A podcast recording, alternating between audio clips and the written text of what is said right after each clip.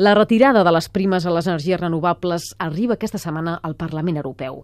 Ampier, l'Associació de Productors d'Energia Fotovoltaica, hi presenta una petició de compareixença en comissió per denunciar l'assetjament, segons les seves paraules, a què el sotmet el govern espanyol.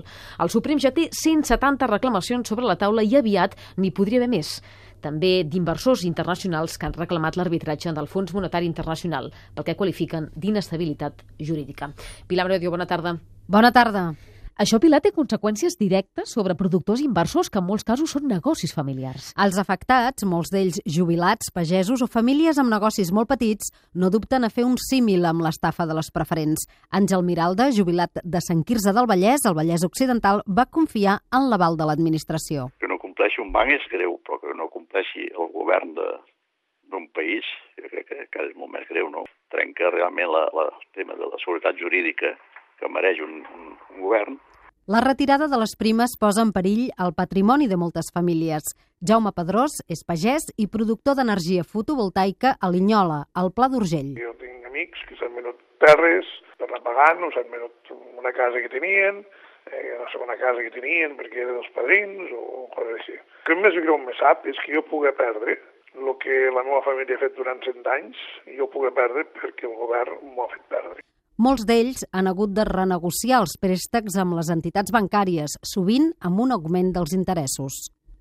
Molts han tingut de tornar al banc a refinanciar d'alguna manera per poder pagar els interessos al banc, allargant el préstec a 10, 11 anys, 12, amb uns interessos que abans estaven en Euribor més de 60 i ara estem pagant Euribor més 3, més 4. Pere Guerra, delegat a Catalunya i responsable de Relacions Internacionals d'Ampier, l'Associació de Productors d'Energia Fotovoltaica de Catalunya. Bona tarda.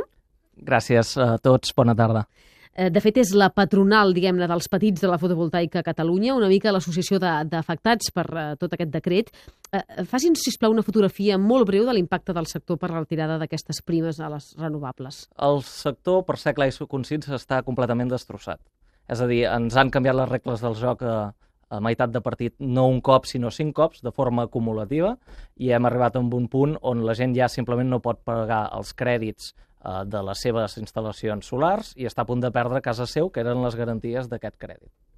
Quin és el perfil típic de la persona que s'ha enganxat els dits del sector fotovoltaic, que és el més afectat per tot això? Doncs a Catalunya, de fet, hi ha 4.200 famílies, podríem dir, que estan afectades per, a, per, pel que seria ja el cas de les preferentistes de l'energia. I el perfil del preferentista energètic, que és el productor fotovoltaic espanyol, i català és eh, bueno, un perfil d'un pagès que eh, potser arrencava un camp de parés per ficar-hi unes plaques fotovoltaiques pensant que l'any en què fes sequera, com a mínim podria comptar amb els ingressos que li havia promès l'Estat que vindrien del sol. No?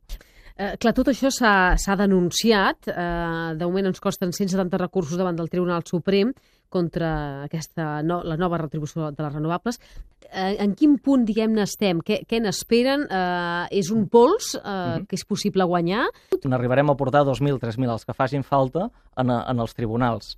Uh, val a dir que no estem sols. Els inversors internacionals, fons d'inversió internacionals, estan arbitrant a Ginebra. Els, perquè es facin una idea, no és només és la gent d'aquí, sinó el, la policia muntada del Canadà té els seus estalvis en fotovoltaica a Espanya. I però inclús in, uh, fons de, de, de pensió danesos uh, tenen la seva pensió invertida en fotovoltaica a Espanya. El que està passant és d'escàndol. L'Estat és que no paga, és increïble, no paga, i es comporta com un morós, que és que primer no et reconeix el deute i després et diu que ja pagarà més tard. Què en diu Brussel·les de tot això?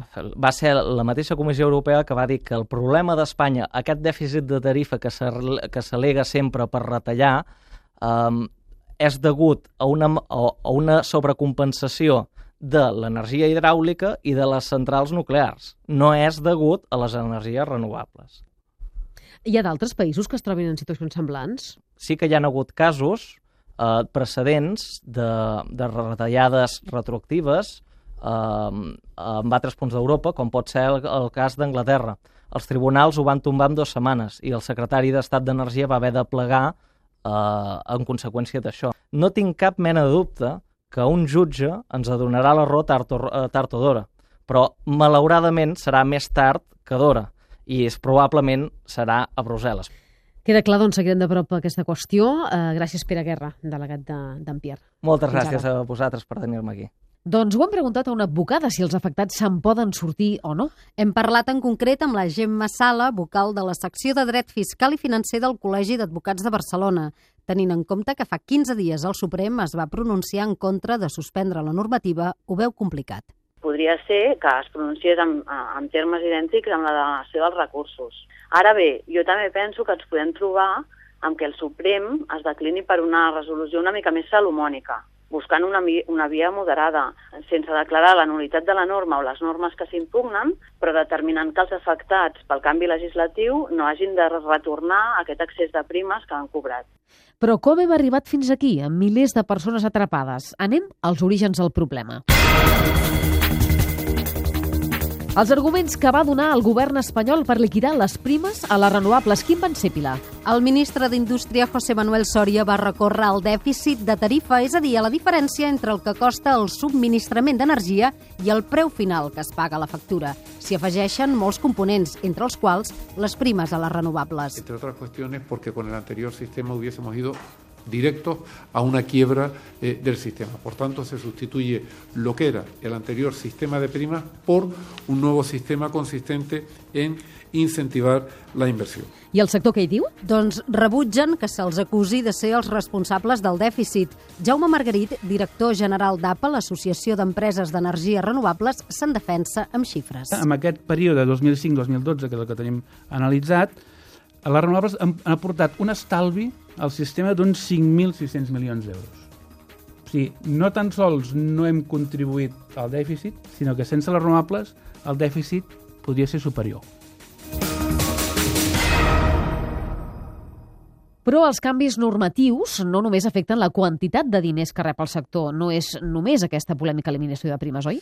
No, també afecten el criteri a l'hora de concedir les subvencions. Segons Jaume Margarit, això els ha perjudicat. Fins ara hi havia un, un sistema de retribució que en retribuïa a tu segons el que tu produïes. Ara això ha desaparegut.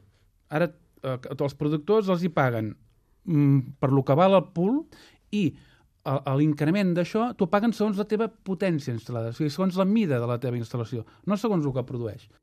I abans d'acabar, fem una fotografia amb quatre dades d'aquest sector. Segons l'informe anual de l'APA, el 2012 les renovables van aconseguir per primera vegada representar l'1% del total del PIB espanyol i el 2013 l'eòlica de l'Estat va batre un rècord mundial. Els molins de vent van superar les centrals nuclears com a principal generador d'electricitat al llarg de tot un any. Més xifres. A tot l'estat en la producció d'energia fotovoltaica hi ha implicades unes 60.000 famílies. El conjunt del sector de les renovables ocupa més de 100.000 persones entre llocs de treball directes i induïts. Parlem, doncs, d'un sector que va començar amb molta força, però que les circumstàncies, com ara la moratòria que es va aplicar el 2012 a la subvenció de noves instal·lacions, l'estan frenant. I aquí s'hi afegeix aquesta polèmica retirada de les primes que us hem explicat, que alguns ja qualifiquen d'escàndol.